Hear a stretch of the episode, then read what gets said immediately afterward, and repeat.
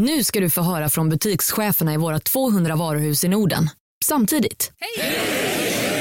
Hej! Tack. Jo, för att med så många varuhus kan vi köpa kvalitetsvaror i jättevolymer. Det blir billigare så. Byggmax. Var smart. Handla billigt. Om en yogamatta är på väg till dig, som gör att du för första gången hittar ditt inre lugn, ett lugn du inte trodde fanns, som gör att du blir en trevligare partner, en bättre bilförare, en bättre kock. Du blir befordrad på jobbet men tackar nej, för att du inte längre drivs av prestation utan vill göra saker som känns meningsfulla i livet. Och, ja, eller ja, då finns det flera smarta sätt att beställa hem din yogamatta på. Som till våra paketboxar placerade på en plats nära dig och tillgängliga dygnet runt. Hälsningar Postnord. Du lyssnar på en podd från Perfect Day. Hörni, alla underbara, varmt välkomna till ytterligare ett avsnitt av systrarna Kjos. Den här veckan så har jag med mig en av mina allra närmaste personer. Och eh, hon har varit med i podden tidigare och jag kan ha annonserat på Instagram att just hon skulle vara med idag. Det är min älskade lilla syster Emma. Varmt välkommen Emma. Tack. Och eh, nu har det tillkommit många lyssnare sedan du var med första gången. Mm. Så jag tänker att jag kanske kan få i alla fall lite kort berätta lite mer om, om dig. Ja, ja kör hårt. Kör hårt. Jo, men, eh, som sagt, Emma heter du. Och du är två år yngre än mig. Fyllde år igår. Fyllde år igår, 33. 33. En Ja. stark ålder.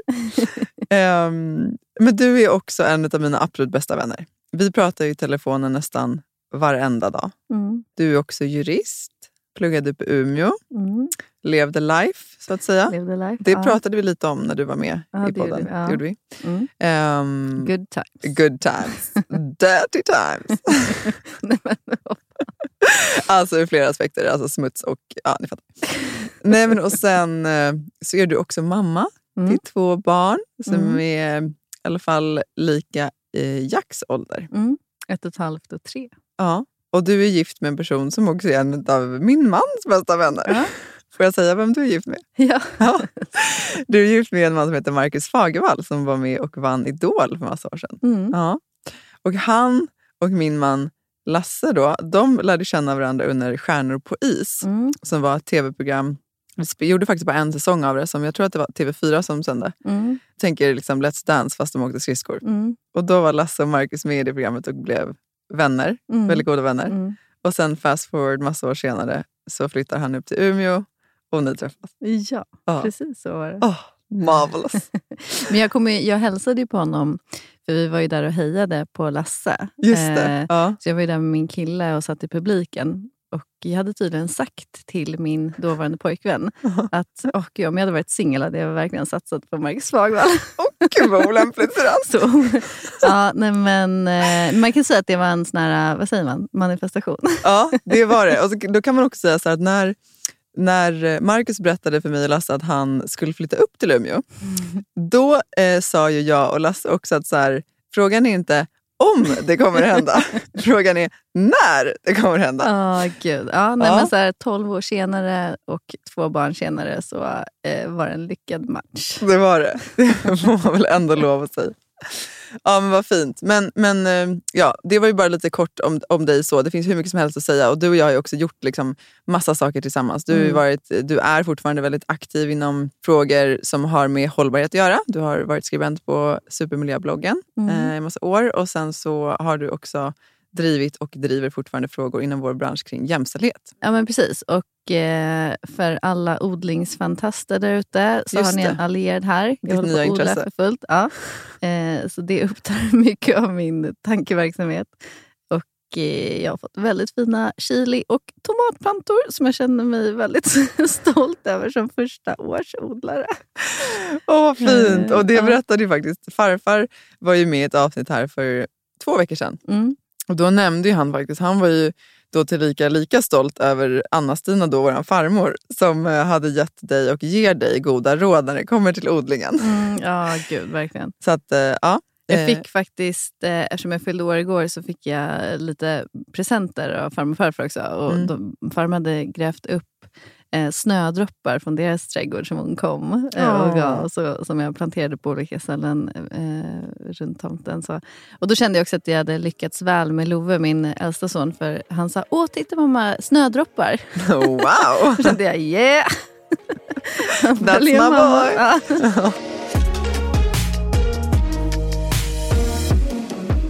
Det har hänt en hel del sen eh, vi spelade in det förra avsnittet, eller sen jag spelade in det förra avsnittet med psykolog Björn. Mm. Och eh, jag tänkte att vi ska prata lite om det. Innan vi går in på, på det som ju har i allra högsta grad att göra med vår syster, så tänkte jag bara fråga, hur mår du idag?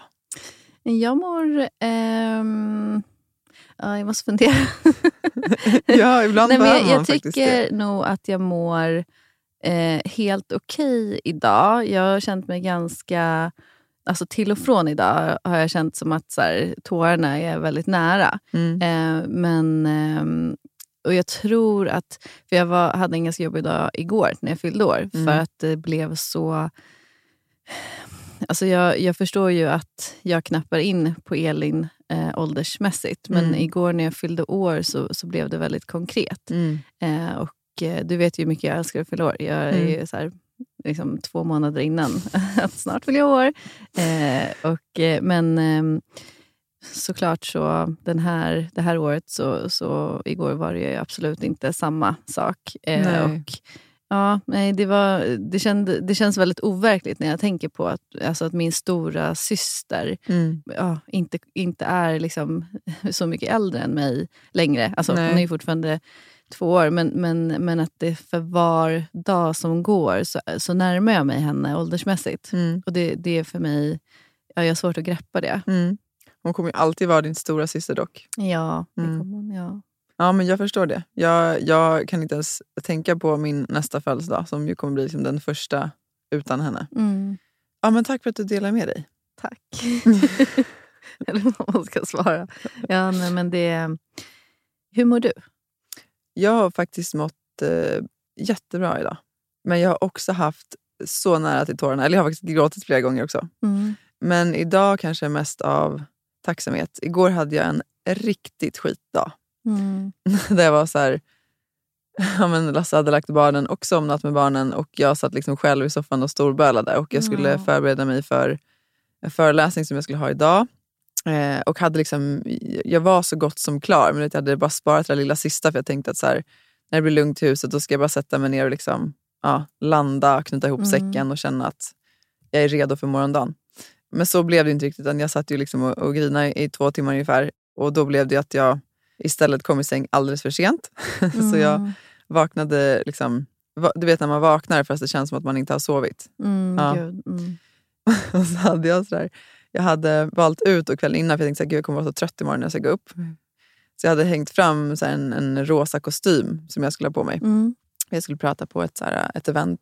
Eh, men, men i alla fall, och då tänkte jag att den här rosa kostymen kommer passa perfekt på det här eventet. Och eh, jag hade hängt fram den, eh, men sen då när jag gick upp på morgonen så såg jag att så här, den var ju ganska skrynklig. Och då tänkte jag att nej, men jag, jag, jag hänger in den i duschen medan jag duschar. Det är ju Mm. ett lifehack om Mm, ni inte har testat det. ja. Mm. Fast jag tycker inte att det funkar så bra. Och jag tycker det funkar så bra. Nej, men next level är ju att ha blomspruta. Ja, och men då sen blir det ju blöt. Ja, fast det torkar snabbt för det är så ytligt liksom, bäta.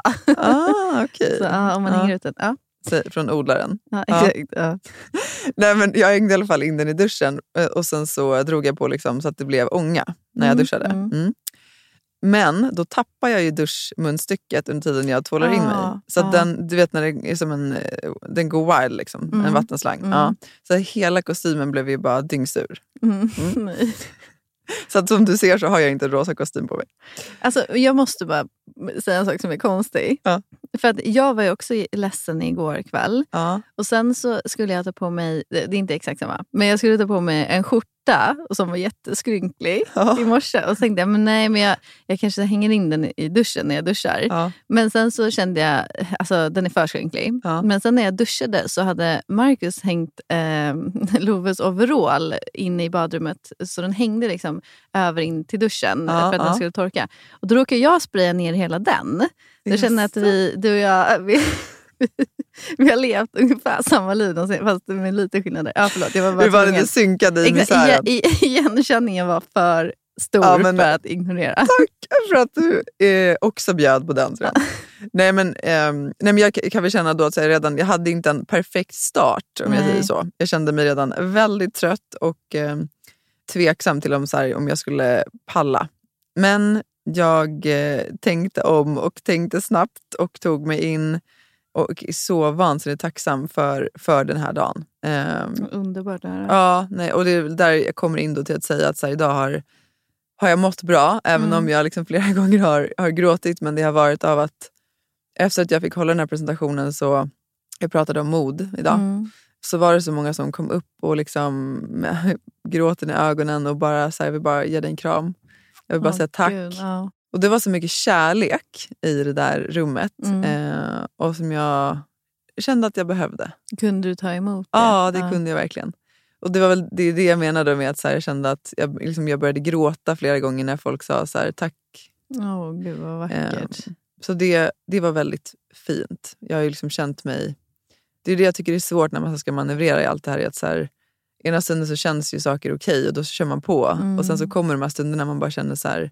Jag vet inte om du känner igen dig i det men, men jag har ju annars känt mig att jag har liksom ganska så här, äh, ett orubbligt självförtroende och att mycket i vad jag gör känn, jag har liksom alltid känt en väldigt så här, stark inneboende trygghet i att jag klarar det jag bestämmer mig för att klara. Ja. Och, och den, den, det har ju så vacklat mycket sen, sen syrran gick bort. Att jag kände så här, äh, ja, men att jag har liksom blivit så mycket mer så osäker på saker som tidigare var liksom en no-brainer. ja, jag fattar. Ehm, Men det kanske är för att eh, alltså, jag tänker en del av ditt fundament har ruckats på. ja men såklart. Ja. Gud ja. Så det är ju inte så konstigt. Nej. Det är ju också en del i att vara i sorg. Liksom. Mm, verkligen. Eh, men det, är en, så här, det, det också är en ny verklighet i sig som Mm, jag så här, försöker manövrera i och vara okej med. Alltså, ja, och, och, och, och jag tror annars är vanligtvis efter jag hade gjort en prestation så hade jag nog mer varit så här, ja det gick bra. Idag har jag verkligen känt att så här, fan vad jag är stolt över mig själv. ja, vad fantastiskt. Och jag har blir sagt det. det. Högt i bilen Ja. för mig själv. Alltså, så här, bra jobbat Ida. Ja, Ja. ja. Ja, för det kan vi ju bli mycket bättre på generellt. Gud, ja. som att man tar för givet att ja, men göra det man har bestämt sig för och, och sen går man vidare. Det Ja, men extremt dålig mer. på att fira och det tror jag Ja. att de flesta människor säkert är. Mm. Alltså för att man är hela tiden på väg. Ja, verkligen. Älsklingar, den här veckan är ju Under your skin med oss igen i podden. Vi älskar ju bra produkter som är bra för oss Mhm. och våran kropp. Och Det är ju faktiskt så att alla Under Your Skins produkter är naturliga, veganska och ekologiska. Och det här är det bästa. Utan några onödiga kemikalier. Det vill vi inte ha. Saker som kan påverka vår kropp negativt, det vill vi bara bort. Usch, försvinn. Ja. Eller hur? Vi har jobbat med Under Your Skin länge och eh, vi har fått lite frågor eh, kopplat till deras produkter. Så nu tänkte vi bara lite kort idag köra lite lyssnarfrågor. Kul! Eh, en fråga vi har fått är ju hur snabbt minskar håravfallet från och med att man börjar använda eh, ja, men hair growth kit? Ja, just det. Alltså, precis, för de har ju ett eget hair growth kit. Jag använder ju den och har ju använt den nu eh, ett bra tag. Och jag var tvungen att faktiskt gå in och kolla på deras hemsida vad de skrev. För min upplevelse var ju att det, det minskade bara redan under första veckan. Det gick jättefort från att jag kunde känna skillnad när jag borstade håret på hur mycket hår som fastnade i borsten. Då har jag ju såklart också kikat och det är ju faktiskt det också som de själva rapporterar, att det ska gå så fort om det inte är så att man har någon särskild diagnos. Ja, såklart. Ja, men gud Ja, vad grymt. och, ja, men, så det är en sån, sån här sak med att ja, men dels om man borstar då ser man ju hur mycket som kommer på borsten, men också alltså, man skulle till och med kunna typ, så väga håret bara för att se ja. skillnad. Jag märker jättestor skillnad. Okej, eh, vi vi har ta- en till lyssnarfråga, Ja, eller hur? ja, men exakt. Eh, har du någon? Det här är en fråga som jag tycker är skitbra. Det är så här, kan man kombinera hair growth serum med detox shampoo och balsam? man kan såklart kombinera så som man önskar. Men om man vill ha bäst effekt eh, vad gäller liksom håravfallet eh, och hair growth, så ska man ju såklart använda hair growth-kittet hela vägen. All the way. Mm. Det är ju sammansatt för att få bäst effekt, om man säger så. Vi har en kod, kära ni, lyssna nu, spetsa öronen. Eh, med koden SHOES20, eh, då får man alltså 20% eh, rabatt på underyourskin.se. Och det här erbjudandet gäller till och med 12 maj. Så in och fynda och se ert svall växa. Oj, oj, oj. Alltså, Sommarsvallet. Ja, sommarsvallet. Tusen tack Under Your Skin. Nu, nu tänker jag att vi, skulle, vi ska svänga det här samtalet lite. Mm. För, för jag skulle vilja att vi pratade lite om begravningen. Mm. Vi, vi hade ju i fredags, ehm, när det här släpps så blir det väl ja, för er då fredagen innan, men så hade vi begravning för Elin. Mm. Va, va, vad kände du under begravningen? Jag kände ju såklart väldigt mycket olika saker. Men en sak som var tydlig för mig inför begravningen, Mm. som jag inte var eh, beredd på, för jag har ju heller inte sagt hej då eller varit på en begravning för någon som, som är liksom en absolut närstående till mig. Mm. Det var att jag tyckte att mellanrummet mellan att Elin somnade in Mm. och att begravningen var, var väldigt långt. Mm. Eh, och att jag upplever att jag fick säga hej då till henne Alltså under den här tiden? tidigare. Ja. Ja. innan hon somnade in? Ja. ja. Eh, och i samband med det. Mm. Eh, och att ehm, För mig kändes det jobbigt att, att på något sätt säga hej då igen. Mm. Alltså att det kändes som att, att det var... Jag förstår att man ska ha en ceremoni och, och det är väldigt fint att ha en ceremoni där alla får säga hej då. Men jag tror, som i vissa andra kulturer där man har en begravning lite närmare på att det på något sätt blir ett mer sammanhållet avsked. Jag vet inte. Men så Mm. jag kände mig... Det var en kompis som mig, till mig som sa om du tycker att det känns jobbigt att säga hej då igen av någon anledning. Jag, Mm. jag, för mig kändes det märkligt att, att behöva... Alltså att jag, jag, jag tänkte att det förväntades så. Mm. Ehm, ja, men i alla fall, eh, så att eh, hon sa att försöka att se, se det mer som en, liksom, en fin ceremoni Mm. för hennes liv. Mm. Och Det tänkte jag på innan och för mig var det väldigt vackert att få se ehm, Fast fortfarande, alltså, jag, jag såg ju typ inget för jag, jag grät ju igenom när folk sa hej då. Men det var väldigt fint att, att få ta del av det. Mm. ehm, och se den kärleken och känna den kärleken framför allt. Mm. Så jag, för mig var det en väldigt sorglig dag av saknad och att jag saknar henne. Och det blev ändå att jag sa hej då på, på ett sätt på nytt. Mm. Men eh, jag tyckte också att det var svårt, för mig eh, var det svårt att gå ur kyrkan. Eh, och jag, eh, Mm, jag minns det. jag stod ju kvar länge med eh, nära till mig inne i kyrkan för att jag upplevde som att när jag skulle ta steget ut och det var sol och det var folk eh, liksom stod och pratade och kramades och, och liksom skrattade. och Det, det var liksom en, en Och grät. och grät. Ja, Ja, men jag menar ja. bara att livet pågick Ja, där ute. Så för mig var det som att så här, när jag tar steget ut där, då, då är jag i en annan verklighet. Mm. Och jag hade svårt att, att ta det steget. Mm. Så att ehm, det var en jätte, jätte, jätte, jättesvår dag och Mm. jätteledsam dag. Eh, och samtidigt var det en jättevacker dag. Och Mm. en, ja, det var väldigt många som älskade henne väldigt mycket. Och Mm. det var Att få vara i den kärleken och, och känna det gemensamt var väldigt... Jag är väldigt tacksam över det. Mm. Hur, hur upplevde du? Jo, men eh, jag håller med om eh, det du beskriver. Jag, jag tänker också på att så här, men du sa det att det kändes som ett till farväl. Och Jag har tänkt på det där också för att jag, jag, gick, jag, jag tänkte aldrig på att det var ett farväl. För, för mig var det så himla starkt att alltså, hon hade redan lämnat på något sätt. Alltså, jag hade Mm. redan sagt, som du, precis som du var inne på, för mig var liksom, hon har, hon har redan varit borta så länge Mm. i fysisk form. Mm. Sen är hon i mig och har varit sen den dagen hon slutade andas. Men jag såg liksom aldrig begravningen. Och jag, jag har liksom inte, kanske medvetet om, men jag har inte tagit del av så mycket så här, vad funktionen av en begravning är. Eller vad riten står för. Eller vad som är syftet. Utan så som jag såg på det. Och det tror jag kanske också så kom fram ibland, när vi sen pratade inför begravningen. Så här, vad jag hade för idéer, hur vi skulle göra. Mm. Och så här. så jag, jag såg det mer som en så ceremoni att att hedra henne och Mm. hennes gärning på något sätt. Mm. Men jag förstod också under begravningen att vi var ju bara de allra närmaste som hade fått säga Ja, exakt. Farväl. Jo, jag tänkte också på det. och att liksom, funktionen med en begravning är på något sätt ändå ett avsked för alla som inte hade fått den Nej, möjligheten. exakt. Nej, jag tänkte också på det. Så även om jag inte såg det som ett farväl så såg jag ju att det var ett Mm. riktigt farväl. Mm.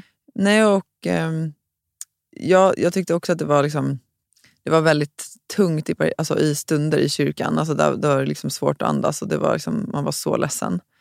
Men jag, jag kände också att jag samtidigt så här, typ blev helt översköljd av all kärlek. Mm.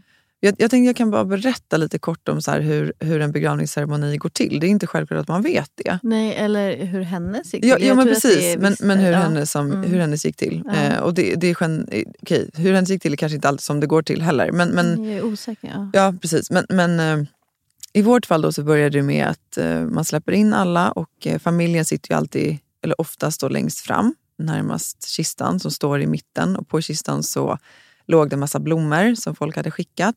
Och så hade mamma fixat ett sånt här fint stort vitt band som det stod Mm. kärlek och mod på. Mm.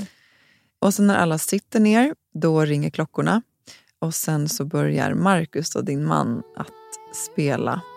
Och då sjunger han Sias Unstoppable. I'm unstoppable. I'm a Porsche with no brakes. I'm invincible. Yeah, I win every single game. Och det var helt fantastiskt. Det var också sådär, jag har aldrig hört honom sjunga på det sättet. Det var så innerligt och så fint. Och så värdigt på något sätt. Och så mycket Elin. Mm. Och det är också en sån låt som jag vet så många, ja men också av er som lyssnar och när ni brukar dela avsnitten och när ni delar minnen från Elin, så den, ni lägger ofta på den låten på era Mm. minnen. Men jag vet att den liksom har kommit att bli så starkt förknippad med henne. Och hon Mm. använde ju oftast den själv Mm. i stunder där hon kände Ja, men hon hade fått tunga bakslag eller hon inte mådde bra och sen så varenda gång när hon kämpade sig tillbaka, hon tog sig till gymmet eller hon tog sig Mm. ut på en promenad, så kände hon sig ofta unstoppable. Ja, verkligen. Och då la hon på den musiken. Jo, det var ju verkligen hennes låt. Ja, det var hennes låt.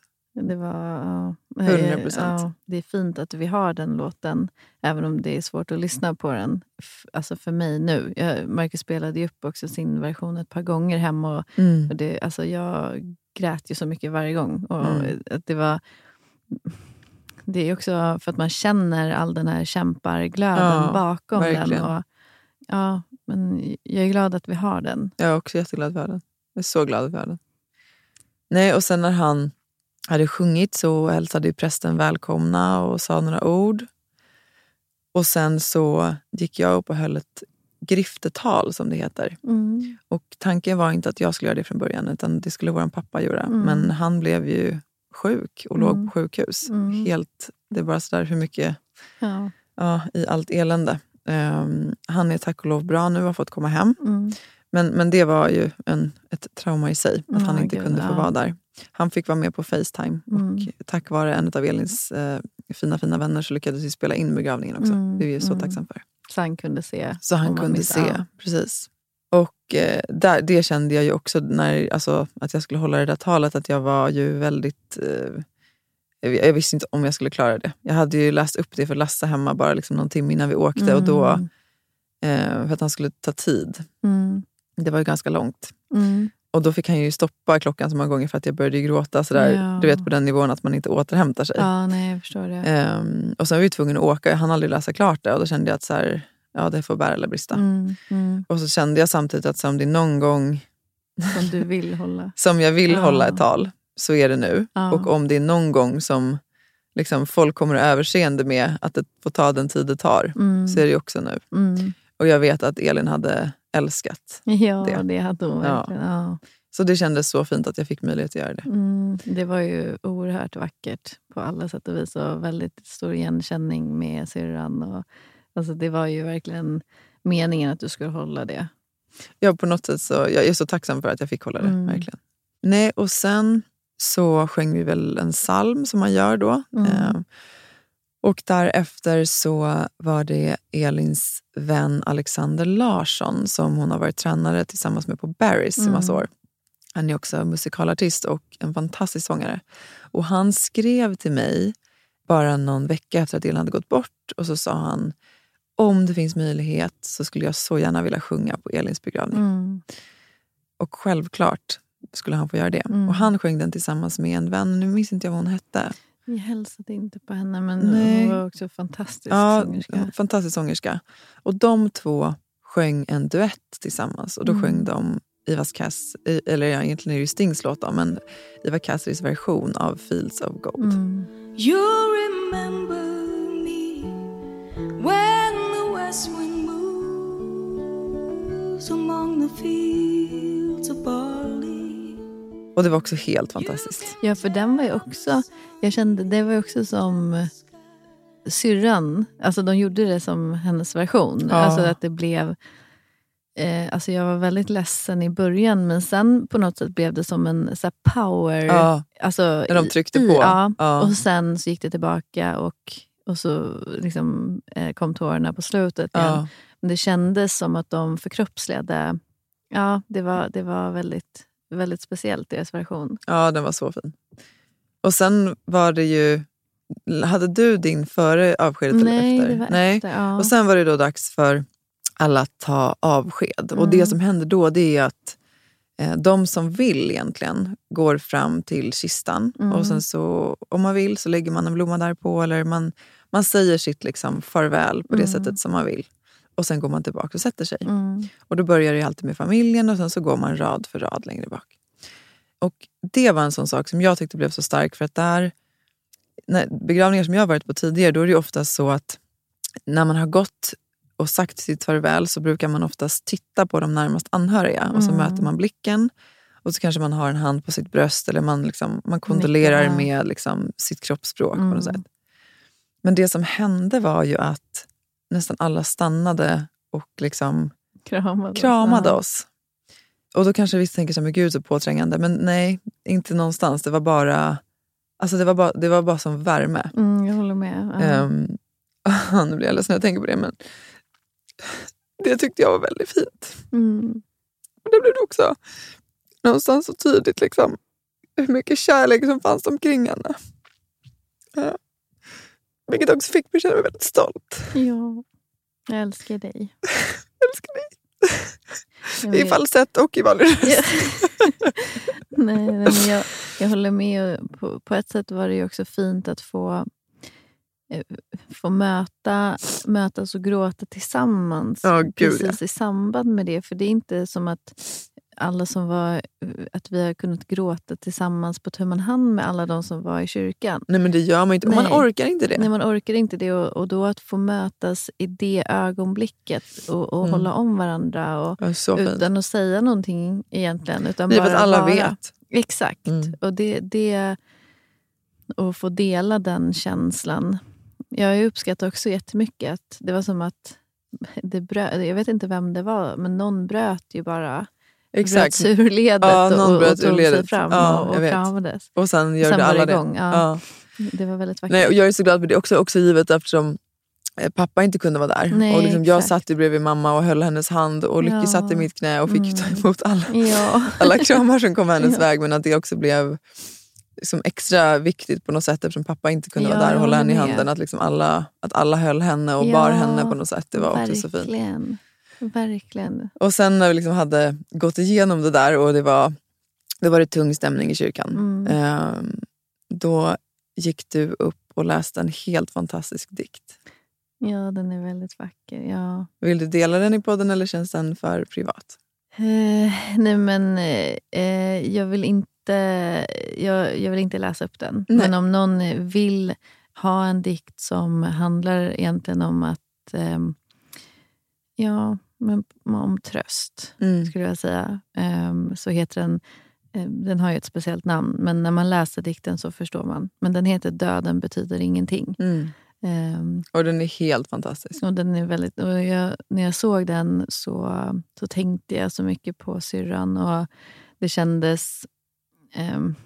ja, även fast det kändes som att säga, det, det skulle bli väldigt svårt att, att läsa den, Mm. så kände jag att den, den liksom gav innebörd åt mycket av mina egna tankar Mm. och känslor. Och ehm, att jag hade inte kunnat säga det på ett annat sätt. Och de orden var redan formulerade. Mm. Eh, och då, då var det så fint att få, få läsa den. Mm. men jag, jag minns typ inte riktigt det. För att jag, jag var tvungen att fråga efter till Marcus och läste jag hela. Ja. För att alltså, jag, jag, jag hade så...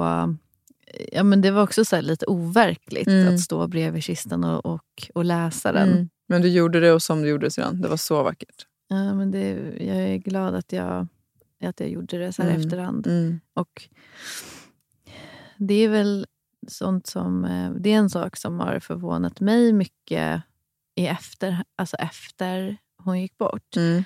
Att, och Det är därför jag tycker den här dikten betyder mycket. För att jag upplever att ja, men, men just det som vi båda har känt mycket Mm. också, att, att vi känner henne fortfarande Mm. på olika sätt. Och Det blir nästan lite taskigt att det här är så typiskt som vissa personer gör när man, man pratar om någonting utan att säga vad det är man pratar om. Vet, när Nej, du nej, pratar om men- dikten utan att folk vet vad det är för dikt du pratar Jo, om. men jag sa ju ändå vad den hette, men det känns jobbigt att läsa den. Men jag, jag tror att eh, just den här...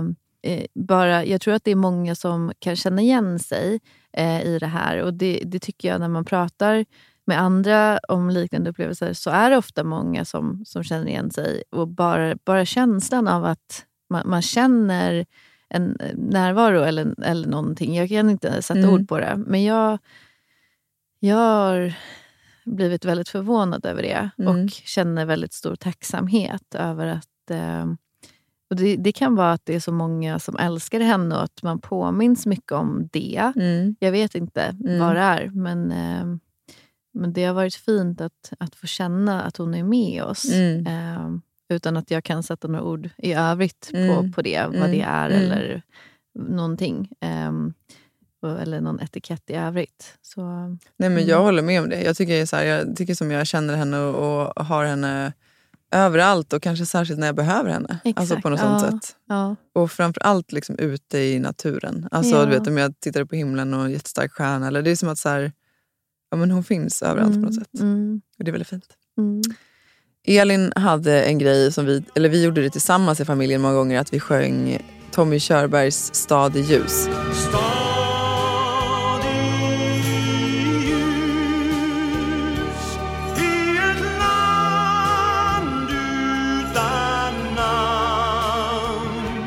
Och det är också en ganska svensk tradition. Jag vet att det är så många som gör det på fester. Och, Mm. och vi gjorde nästan alltid det på midsommar och vi gjorde det när vi hade julfester. Mm. Elin och jag gjorde det senast i somras när vi var på bröllop hos vår Mm, kompis Sara.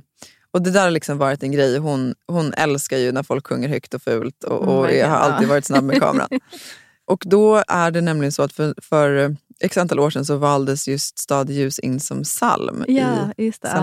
Ja. Ja. Eh, Eller just det säger jag, men jag, jag, jag förstår det nu eftersom vi sjöng den. ja, det jag var har sant. ingen koll på psalmer i övrigt. Nej, för man det behövde ha två troligt. psalmer Ja, förstod jag det som just ja. Ja. Nej, men i, I vart fall, så då, så då ville vi på något sätt, eftersom den här ceremonin var för alla som inte hade haft möjlighet att få liksom, säga sitt farväl och ta sitt avsked, ett avsked för dem, men det var också, och vi ville att det skulle vara på något sätt liksom, ett hedrande av henne och hennes gärning. Mm. Eh, och vi ville att hennes liksom, energi och kraft och hennes väsen på något sätt också skulle genomsyra ceremonin. Och därför Mm. valde vi låtar som vi valde. Och, sådär. och då när vi skulle sjunga Stad i ljus så, så var det ju du och jag och sen var det Elins bästa vänner Sofie och Marie som ni har hört i Mhm. podden och också Sara som ni också har hört i podden. Mm. Så vi fem sjöng den här då tillsammans med alla och det var helt a cappella. Så Mm. vi hade bett prästen om att inte få någon musik. Mm. Och eh, hon hade ju lite oroligt sagt då att, är du säker på det Ida? Jag har varit med om att man har velat göra det här tidigare men så är det ingen som sjunger och det blir så jobbigt då för de som står där fram. Ja. Och då sa jag, vet du Anette, jag är säker. Ja. Vi vill inte ha musik. Nej. Men hur men, tänker ni med tonarter? Och så, det blir den tonart det blir. Ja. Det kommer bli liksom fem olika tonarter och det är hela poängen. Risken med Stad i ljus är ju ofta att man, man börjar jävligt högt. Ja, och det, igång. man måste börja liksom, min resa... Nej, det kanske till och med är för högt. Va? Nej, jag tror att det där var... Men, Var mot jorden, nej, men långt exakt, ja. borta. Ja. Du har ju mycket mörkare röst än mig. så- Ja, ja. så hur skulle du börja? en, två. Tre, fyra. Ja, totalt. Ja, det var Ja, Men så där blir det ju om de spelar psalmmusik till. För då är det ju alltid. Min resa var mot jorden. Jo, men det blir ju att man sjunger den här äh, tysta till slut. Alltså, Ja, att man kan hör inte sig- trycka. Nej, exakt. Det går inte. Så, Nej. men då tänker man ändå, låter det här bra? Alltså om man hade haft en mikrofon som hade förstärkt. Hade kanske... ja, sorry. Jag tror inte att det hade... Nej, det tror jag inte. Jag tror Nej. inte det. I'm sorry. Det är orgen som liksom överröstar dig då. Mm. Nej men så här i vart fall så jobbade vi mer med liksom magregistret, med bas och vi jobbade med kraft. Mm. Och det blev tonartshöjning och hela faderuttan och folk stod upp och sjöng så att det liksom bara, ja det lät för jävla underbart. Ja, det gjorde Mm. det verkligen. Ja. Och, sen liksom, och det var ingenting som vi hade planerat eller bett om men det som hände sen var ju att folk liksom, liksom i vad ska man säga då, spontaniteten bara föll ut i applåder och eh, skrik egentligen. Ja, ja. Eh, för det var så otroligt förlösande. Och också så mycket Elin. Ja, eh, att vi stod där uppe och det. körde fulsång och hela kyrkan sjöng med oss. Ja, hon var med oss. Och sen så eh, var egentligen ceremonin över och vi spelade Sia återigen fast Mm. med eh, där, där, hon sjöng då, Unstoppable.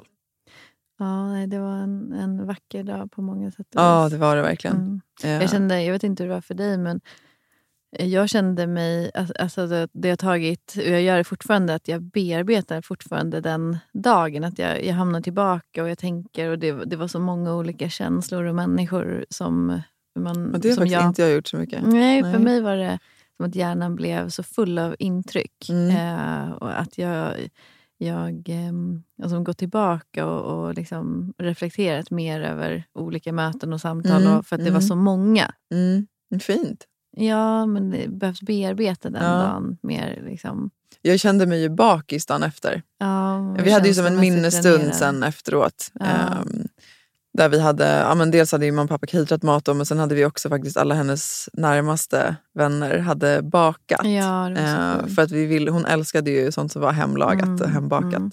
Och då ville vi liksom, ja, men, ha den känslan lite på minnesstunden. Så det var jättemånga som kom med massa pajer och efter, liksom, Ja, gud. bakelser. Jag, och- jag var ju så hungrig. Och, sen, och det, var så, det var så lång kö. Ja. Eh, och då blev jag stressad för det, jag hatar att vänta på mat. Alltså, det är verkligen... Det är verkligen någonting jag tycker är jobbigt när man... Och just jag, i jag var så sammanhanget, slut. du har precis begravt din Nej, syster. jag, jag, nej, men här, jag, var, he, jag var helt slut och Ja. kände bara jag behöver någon form av energi. Men man var ju det, jag håller med. Eh, så jag tog ju en tallrik med mat och sen tog jag ju en tallrik med massa efterrätt. Och ja, då men det var ju väl hela jag, poängen. Ja, men det var ingen annan som hade gått på efterrätten än så jag kände men jag Ah. bryter det här. och sen så satt jag där med, eh, med bägge och. då. Så kunde Men du jag tog två tallrikar. växeldra. Exakt. Jag, två körde, jag körde efterrätt på en gång också, men jag körde Ja. det på samma tallrik. Ah, okej. Ja, det kanske egentligen du- var höjden av griseri. Ja, ja, samtidigt som du kanske inte åt lika mycket efterrätt. För alltså jag tryckte Ja, nej, jag hann inte riktigt göra det. För jag gick runt, jag, jag satt ju inte ner, jag gick runt mellan liksom alla bord. För jag kände liksom att man ville liksom hinna säga hej Det, där till är många. också, det var också en stor skillnad. För jag kände ju direkt att jag bara ville...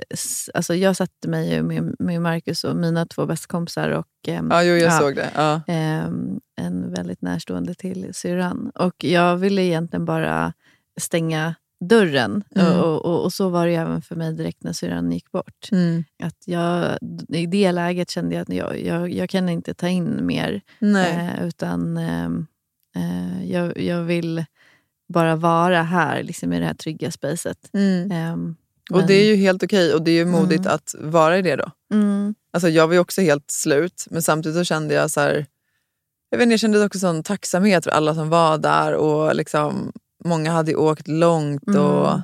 Och många hade vi inte sett på jättemånga år. Och mm. På något sätt så ville jag Jo, också men jag körde ett vara i kramrace deras... Ja, men det var och, ju och liksom så här, hej då och tackade alla. Men just i, alltså direkt i anslutning efter så var jag så Så jag, jag, jag, vill inte, jag vill inte värdera, jag säger Nej, bara nej, du, nej. jag tycker det är modigt för som jag var i ditt att det var- space. nej, det var att jag ville inte låta otacksam mot alla som kom. Nej, utan men det är klart jag, att du inte jag var, men- tackade och kramade Ja, nej, var när du jag var självklart. redo. Liksom. Men jag kände Ja. inte att jag var redo att ta in mer i den stunden. Nej, och då vill jag bara liksom, säga att och det är helt okej. Det är det som Ja. är grejen snarare. Vi reagerar ju så olika, Mm. eller hur? Och Ja. vi hanterar och kopar med allting så himla olika. Det finns inga rätt och fel. nej, Nej. nej, det gör inte det. Nej. Ja, men det var en, en eh, fin, stark, tung och väldigt vacker dag.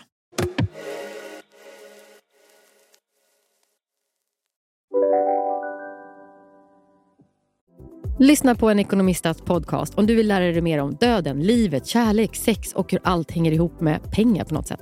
Med mig Pingis. Och med mig Hanna. I samarbete med Nordax Bank.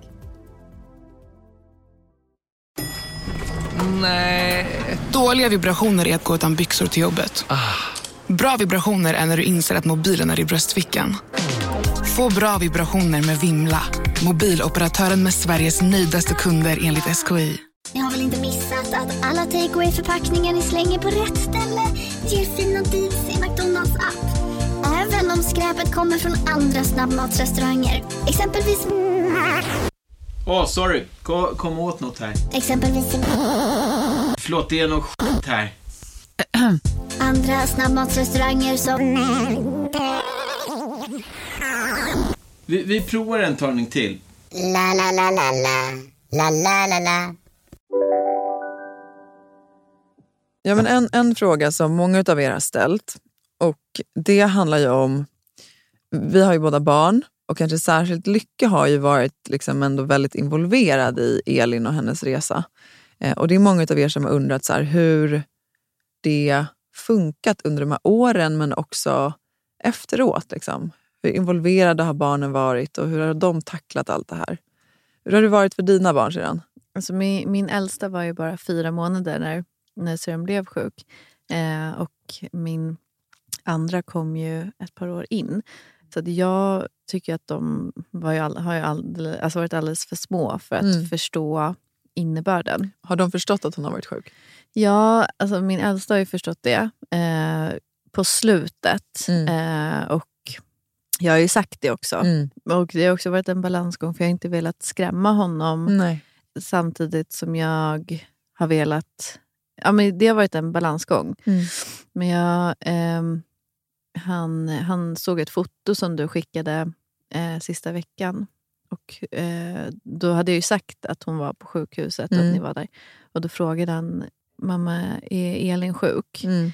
Och, och Jag hade ju sagt det tidigare också, då, men då sa jag ja, det är hon. Mm. Eh, och, och så då pratade vi lite kort om det.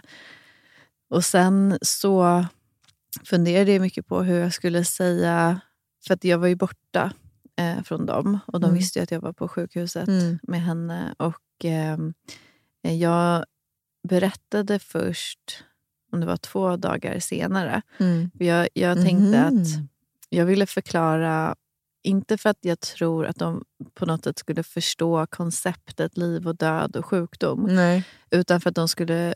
Om, jag tänkte, om de minns någonting av det här Mm. så är det att jag var ledsen. Mm. Och istället för att jag låtsas att jag inte är ledsen, Mm. eller att, de, att jag säger nej jag är inte ledsen, alltså något Mm, sånt. mm, så mm. tänker jag att jag säger varför jag är ledsen. Mm. Oavsett om, om, eh, om de, De förstår, förstår, det. mm. Eh, Så att de vet att det finns en förklaring. Och Mm. att, att de känner, de, för jag, de känner ju Och att av det inte är deras fel. Nej men exakt. Men då sa jag alla ord som jag tänkte att, att min äldsta skulle kunna få höra genom Lycka och så också. Att Mm. jag sa vad sjukdomen hette och att, att hon hade gått bort. Och han har ju själv sagt nu... Sa du eh, att hon gått bort eller sa du död? Nej, jag sa att hon ehm, har dött. Mm. Och det har han ju sagt. eh, Plötsligt har han sagt mamma, Elin har dött. Mm. Har han sagt så. Mm. så att, sen vet inte jag om han... Alltså det är svårt att veta vad han lägger i det konceptet Mm. såklart. Men jag gjorde en liknelse som... För han hade... Vid, några dagar senare så frågade han eh, när jag var ledsen. Mm. För då kom han och, och så frågade är du ledsen mamma? Och sa ja, jag är ledsen. För jag, Mm. jag är ledsen för att Elin har gått bort. Det sa jag nog då. Mm. Och då, då ja, jag, jag kan krama dig mamma. Och så kramade han. Och så blev du glad nu? Mm. och, eh, och då sa jag, jag, jag är fortfarande lite ledsen men jag, jag blir jätteglad att du kramar mig. Mm. Och så frågade, sa han så här, men, men vi kan ringa Elin. Eh, så, jag, ja, vi, vi kan tyvärr inte ringa det. Så Mm. försökte bara förklara utan att säga för mycket. Men då frågade han, så, men, men var är hon? Mm. Och då hade vi, för kanske två månader sedan, hade han varit väldigt frågvis kring dinosaurier. Mm. Och då hade jag ju fått kämpa ganska länge med att, att liksom, ja men de har funnits. Han är i varför-stadiet nu, Ja, eller han hur? Ja. ju allt. Ja. Ja. Och accepterade till slut att de har funnits men finns inte längre. För Mm. det var väldigt mycket men vart var vårt hus då? Vart Mm, var alla kvinnor? Ja. Ja. Gud, mycket viktig Alltså fråga Love. kvinnor. Ja. Vart, vart var kvinnorna? Ja, eh, ja alltså. eh, nej, men, och då kände jag att jag tog till det i det Ja. läget och sa, men kommer du ihåg att vi pratade om dinosaurierna? Ja. Ja, alltså, det kommer jag ihåg. Och så, då sa jag, men det, det är samma med, med Elin. Att Mm. Hon fanns förut och nu gör hon inte det. Mm. Och, och det var så här, ja okej. Och sen så var det så här, ska vi leka? Mm. Så, så här, en sekund senare så tänkte han på något annat. Och sen Mm. har det liksom inte varit så mycket mer. Men Mm. jag tänker att jag vill ändå... Och sen var inte de med på begravningen och det, det kände jag att de var alldeles för små för att vara med. Mm. Eh, tyckte jag. Mm. Men så det, det har varit ehm, en annan resa för mig tror jag eftersom de har varit så små. Mm. eh, jämfört med hur det har varit för Lycka Mm. framför allt.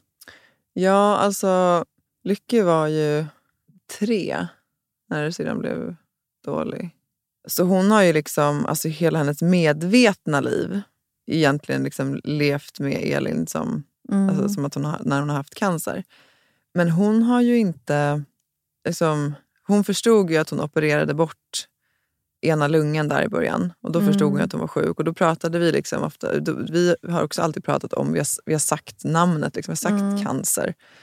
Och eh, förklarade vad det var hon hade och att man opererade bort det. Men sen var ju också mycket, även för oss, var ju mycket ovisst liksom, då. Även om vi fick veta att, att hon hade en, liksom, ja, enligt läkarna, då en obotlig cancer och det var i, i liksom det sista stadiet. Och man satte in palliativ vård från början och allt det där. Så var det ju såklart att liksom, även vi hoppades. Mm.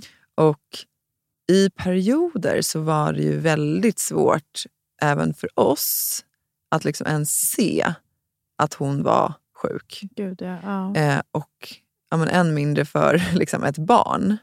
Eh, och även under de här åren, eller liksom, trots behandlingar och smärtor och sådär, så var ju Elin alltid... Det var egentligen bara liksom de här sista månaderna som, som det inte funkade längre, men hon var ju väldigt stark. Mm. Så det är ju liksom det, det, det har jag liksom förstått har kanske snarare liksom blivit en, det har blivit en lite så tanke, inte tankevurpa, men det har, har varit lite så svårare för Lycka att förstå har jag märkt ibland. Alltså, men Hon är ju så stark, alltså, för hon har ju sett det som att det är Elin som är den starka i vår Ja. familj. Mycket starkare än dig och mig och, och ja, Mm. brorsan har väl i och för sig varit typ lika stark. Då, men, Mm. men hon har liksom, under de här åren så har vi också verkligen levt. Ja, Alltså till det yttersta. Alltså, Ja. Vi har ju gjort allt med Elin som vi gjorde innan och varit med henne som vi var. Och, och i hennes, liksom, när hon har mått sämre, ja, men då har vi åkt dit och, och Lycka har krypit ner under hennes säck och kollat TV. Men Mm. när hon har mått bra så har vi gjort saker som man kan göra när man mår bättre. Och så här. så Mm. att det har ändå varit liksom, på något sätt ett vanligt liv. Mm, jo, verkligen. Men när Elin började må sämre i november, och det var ju liksom ingenting som... Det finns ju också den här rädslan i att om du säger någonting högt så finns en acceptans i det och att då är det liksom dit man är på väg. Mm. Så jag tyckte att det var svårt att veta så här, när ska jag prata med Lycke och förbereda henne. Mm. Mm. Och jag minns att någon gång i, i december så, och då hade jag läst lite om det här innan och, och jag kommer tillbaka till det här nu för att jag frågade dig, så här, sa du gå bort eller sa du död? Mm. För att jag läste mycket om så här, hur, ja, det finns säkert hur många sätt som helst, men, men jag hittade då från en psykolog som hade gett råd kring hur man kunde förhålla sig till det här och hur man kunde närma sig samtalen och vad som kunde vara bra och vad som kanske kunde vara mindre bra att säga. Och, så där. och då hade den här psykologen skrivit, då, vilket jag tyckte var så bra, det var att barn hanterar oftast den information de klarar av. Alltså de, vill, Mm. de vill ha den information de klarar av. Mm. Och därför så är det så viktigt att i såna här lägen låta barnen styra samtalet. Mm. Så det jag försökte göra då, kom ihåg, i det scenariot var att jag sa att så här, för då var Elin också inne på sjukhuset och det var liksom mycket fram och tillbaka och man liksom började märka att hon mådde sämre. Och då, då sa jag det till Lycka att älskling, du, eh, Elin, har, Elin har cancer som du vet. Och just nu så mår hon inte bra. Och vi hoppas fortfarande att läkarna kanske kan hitta någonting men av allt det som hon har fått prova nu så verkar det inte vara som att någonting fungerar. Och det kanske inte finns någonting mer som kommer kunna hjälpa henne snart.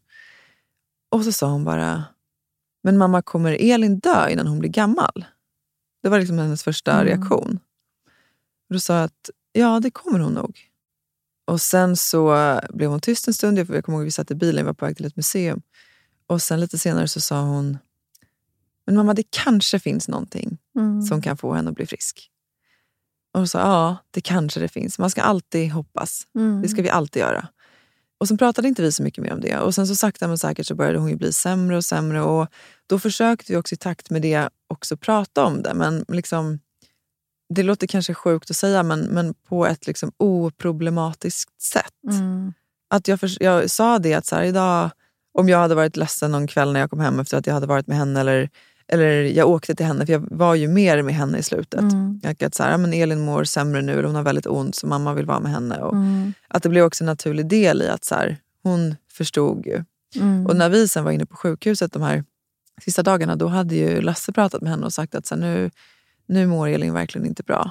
Och då hade ju hon sagt att men pappa jag vet att hon kommer dö, det är bara ni som inte vet det. Ja, gud. Åh, shit. De Eh, känner ju. de alltså, känner de är ju. med på en... De är ju med på en helt annan nivå än vad man Mm. själv tror.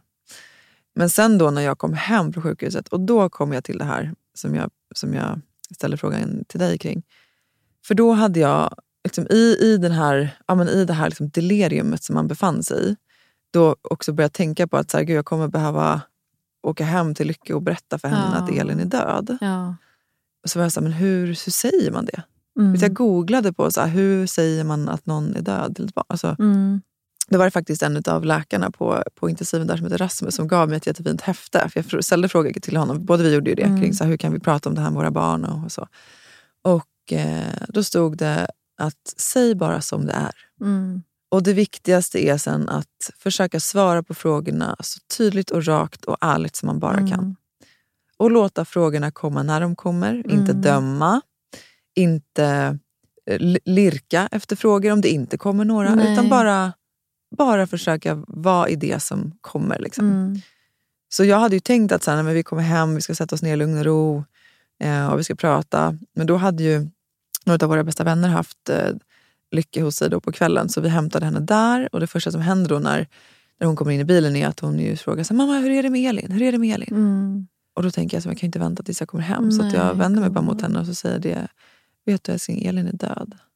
Mm. Och då blir det liksom, hon eh, blir som bara tyst och jag ser att hon liksom blir som chockad. Och sen blir hon lite arg. Och så säger hon, men mamma du lovade ju att jag skulle få komma och hälsa på henne, vi skulle ju måla tillsammans. Mm.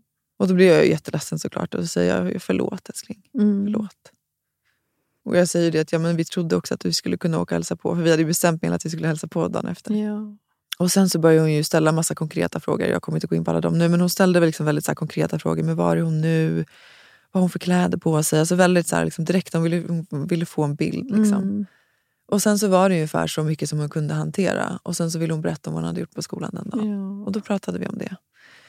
Och sen dess så har vi, liksom, vi har tänt ett ljus för Elin varje kväll som barnen har bråkat om vem som ska tända och vem som ska släcka. Samma visa varenda gång. Och sen har vi liksom sagt godnatt till henne och sådär Mm. när vi ska sova.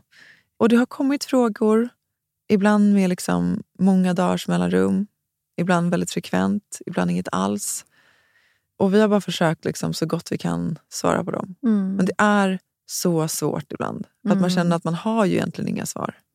Nej, och det är ju en jättesvår eh, del i föräldrarollen generellt. tycker jag. Ja. Att så här, Man vill ju ge lindring och svar och inte utsätta dem för jobbiga känslor. Även fast det är ju En jätteviktigt och ja. en del av livet. Mm. Men man vill ju på något sätt bespara dem så länge som möjligt. Men, men jag tycker det låter som att det, ja, det... Jag vet ju hur mycket du har funderat kring hur du ska berätta det för Mm. Lycke. Och, och jag tror att utifrån vad jag har sett med henne nu också att det, det blev nog som det skulle bli. Vad du har berättat och vad ni har valt att berätta. Och, och även att, att kusinerna på något sätt har en samsyn i det. Mm. Ehm, ja, tack för att du berättade. Ja, tack för att du lyssnade sedan. Ja, det är svårt.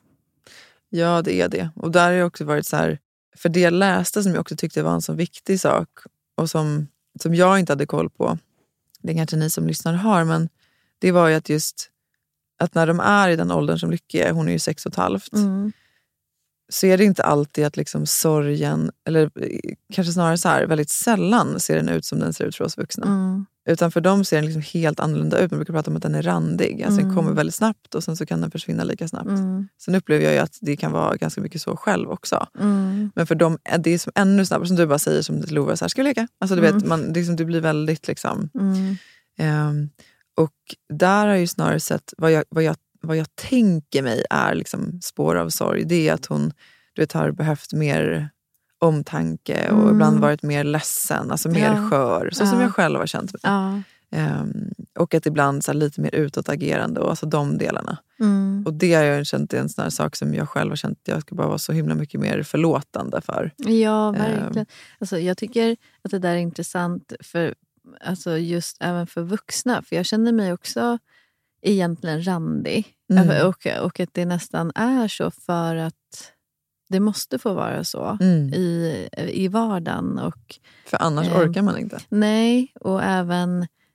Men jag har också känt mig mer arg när jag blir arg. Mm. Alltså som att många känslor är, är förstärkta. Mm. Eh, jag är inte kanske... Det är ju svårt att ha nå- något perspektiv på sig själv ibland och särskilt i, i det här. Men, men jag kan inte se själv att jag har tydliga faser. Nej. Utan det, det, det har känts randigt Mm. för mig också. Mm. Ehm, och tankarna går ju upp och de går ner. Och de, vad man tänker på i förhållande till henne och vad man saknar går också upp och ner. Mm. Men eh, för mig har ändå känslan av saknad och sorg varit en, en ganska ren känsla när den får komma fram. Mm. Ehm, och Det inte med så mycket kring att jag funderat kring eh, varför hon blev sjuk eller eh, alltså, sådana saker. Utan jag saknar henne och jag Mm. önskar att hon var här. Mm. Och jag, jag eh, saknar att höra hennes röst och hennes Mm. liksom, roliga historier. Och, ja, men, man Ja, saknar ja, hennes närvaro i fysiska form. Men det är en, en väldigt ren och kärleksfull sorg och Mm. saknad. Eh, och inte, jag känner inte så mycket konflikt i det. Nej. Att, att, eh, att jag kämpar emot att det har hänt. Nej, För, samma här. för vi såg det med egna ögon. Ehm, Och vi hann förbereda oss på det. Även om vi liksom, jag skulle säga så här, in till liksom sista veckan fortfarande hoppas att så här, Ja. det kan fortfarande vända. Ja. Eh, så, så har vi ändå under så lång tid också på något sätt varit i sorg. Alltså det, ja, fr- från det att man liksom förstår att så här, om inte ett mirakel sker så kommer det här, är det så här det kommer sluta. Jo, men Eh. jag har ju, ja, precis, det har varit som en, en matta Ja. av sorg och, och ovisshet i alla år. Och likväl har vi kunnat leva Ja. och tillåtit oss att göra det. Och det är väl det som jag... För jag tänkte på det idag när jag stod och höll den här föreläsningen. Det var på, för ett, eh, ett sammanhang som heter Nine Muses eh, em, Festival. Mm. Och Det var bland annat Eden från, eh, som var med i Mello nu, som var där och sjöng. Och sen så Linda Sundblad från Lambretta var där och sjöng. Åh, vad kul. ja. Ehm, Och sen var det ju eh, Sofie Bellis och Elins bästa Ja. vän som höll i så yoga. Ja, men det, det var flera eh, inspirerande personer som var där i alla fall. Och jag var väldigt tacksam att jag var inbjuden. Och då i slutet av, eh, av min föreläsning så ehm, dansade vi allihopa. Eh, Gud vad kul. till Beyoncé. Ja, Vilken fantastiskt kul. Eh, Break My Soul. Va? Den har jag aldrig hört. Jag känner mig Oh my god, Jakob du får lägga in den här.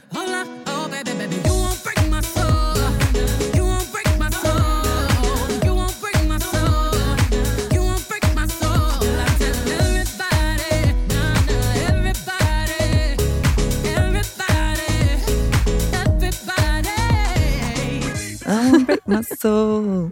Ja, Jaha, okej. Jättebra. ja. Ja, och i den stunden så, ehm, så kände jag mig så levande och tacksam och Mm. glad och lycklig. Och det var jättemånga som filmade och kände jag så här, gud vad härligt och vad glad jag blir att jag kommer få ha det här och Mm. kunna titta på. Mm. Och så tänkte jag att så här, det, här, det här måste jag bara få dela med mig av. Det var en sån härlig känsla. Mm. Och sen i samma sekund som när jag sitter i bilen och tänker att nu ska jag dela det här så känner jag nej, nej det ska jag nog inte. För det kommer inte tas emot väl av alla att jag stod på en scen och höll ett framträdande och dansade. Nej. Så att jag avhöll mig från det. Och det, det är Vad väl den där balansgången som man är, jag klarar mig. Världen behöver inte se att jag dansade på en scen. Jag har den Nej. känslan i mig och jag vet det. Men det eh, är, förtjänar ett eget avsnitt i sig. Men, men Ja, eh, för- det här med att göra rätt för om, omvärlden. Ja, för att jag tycker att eh, det som är fint är att, att du på något sätt är transparent så här. Eh, för att jag tror att på samma sätt som alla som har levt nära eh, sjukdom och, och, och stor sorg, Mm. så ingen vet Nej. förutom de som är nära och de som Mm. går igenom det. det liksom, vi har inte den förmågan ännu helt tror jag som människor att riktigt sätta oss in i något annat perspektiv. För att livet är så komplext på så Mm. många sätt att, att ehm, bara du och jag har olika upplevelser Mm. av, av vad Mm. som de här åren har varit och Mm. vad som har hänt nu. Och, och jag tror att alltså, vi alla gör ju vårt, bästa för att överleva. eh, Exakt så. och för att på något sätt kunna fortsätta andas. Mm. Eh, och det är en skillnad såklart att du bjuder in till på något sätt kommentarer kring ditt agerande. Mm. Det känner jag mig väldigt skyddad från. Mm. Och um, Jag tycker att det är modigt att du gör det. För det är inte lätt. För det finns på samma sätt som syrran på många sätt bröt många oskrivna och på något sätt normer, oskrivna regler och normer kring, eh, kring hur det är att vara sjuk. Mm. Eh, hon ville leva, hon ville fortsätta framåt. Hon Mm. ville fortsätta inspirera och göra samarbeten. Det var ju Mm. folk som hade synpunkter på det. Mm. Eh, och Då kan man ju tycka så här, jaha okej, men om man blir sjuk då ska man inte få tjäna pengar. Eller, Nej, eller på nej. något sätt, då får man inte inspirera utan då ska man ta en passiv roll i samhället. Mm. Det är ju det är så många saker som är knepiga. Men hon, Mm. hon vågade ju ta och visa att men det här är jag. Mm. Och För det här- att hon mådde bra av det och hon ja, ville det. det, Nej, jag det, vet. det var hon oavsett Ja. om det var eh, vad någon förväntade sig Mm. av henne eller inte. Och på samma sätt i sorg. Eh, återigen, jag upplever att ja, men som sagt, det är ingen som vet eh, hur det är att gå i våra skor Nej. fullt ut. Och vi kan inte föreställa oss, egentligen, man kan ju ha en idé, men, men att vara där och känna allt, och, så det, det vet bara de personerna som går. Eh, Ja, och sen tänker jag också, eftersom du själv säger det, så bara du och jag har haft så olika upplevelser också, att även om man själv har mist en nära anhörig så kan ju den personens uppfattning vara och liksom hanterande och agerande vara totalt olikt en annan i samma familj. Ja, och det är väl verkligen. det som, är, som jag själv i alla fall känner mig väldigt ödmjuk inför liksom bara nu, fem, sex veckor senare. Att, så här, att det, det är som det är och jag måste bara få acceptera det på något sätt. Gud, och tillåta ja. att, liksom, ja, att, att det också är på det sättet. För det, är- det är så svårt när man liksom börjar döma och kategorisera. Och det är det där jag menar också med jag sa det initialt, att jag ibland tycker att jag har tappat det där med att jag tidigare kunde bara vara så här, eh, liksom väldigt obrydd eh, Mm. kring mycket. Men det blir också svårare att ju mer offentlig man blir så är det också fler som har synpunkter. Mm. Eh, och då blir det såklart också svårare att, att bortse från det. Ja, men sedan- jag, jag börjar tänka på ett citat när jag Ja. tänker på det här som är så himla... Jag brukar, eh, det, det är någonting... Alltså out beyond ideas of right and wrong there's a field. And I, I'll I meet will meet you there. there. Ja, och det är så himla sant. Ja. Syrran, det är dags att avrunda. Din Ja. parkering har gått ut. Det har jag förlängt den en gång redan. Okej. Men alltså, på riktigt. Alltså, jag, jag, fem centimeter fram och fem centimeter bak på min parkering. Alltså, jag är så imponerad. bara så att ni, det, det är kul då, för att innan vi tryckte på det avsnittet, då har alltså Emma redan berättat om sin fickparkering för x antal jo, men personer det är här helt Day. otroligt. Alltså, jag, Och visste, jag jag visste inte själv att jag var så här skillad. Nej, men och jag såg att när du gick på toa så Ja. skickade du också en bild Ja. på din fickparkering På- till, hela vår släktchatt. Ja, och skrev att om någon vill ha tips, hör av er. Nej men det är otroligt. Men du, jag kommer liksom inte komma ur, jag kommer fysiskt behöva jucka mig ur liksom den här för att komma... ja, alltså, det är säkert en av bilarna som flyttar på sig nu. Ja, det får jag Ja. hoppas.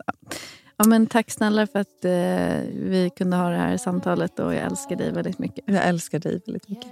Eller som Jack skulle sagt, mamma, jag älskar dig så mycket. Oh, Tack hörni för den här veckan. Nästa vecka ser vi vem som kommer då. Puss på er. Hej då. Hej då. I'm unstoppable. I'm a Porsche with no breaks. I'm invincible.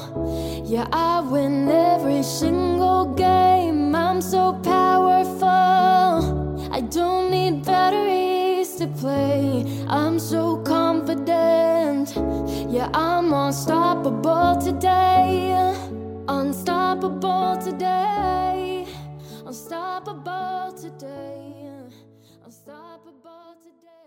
Den här podcasten är producerad av Perfect Day Media.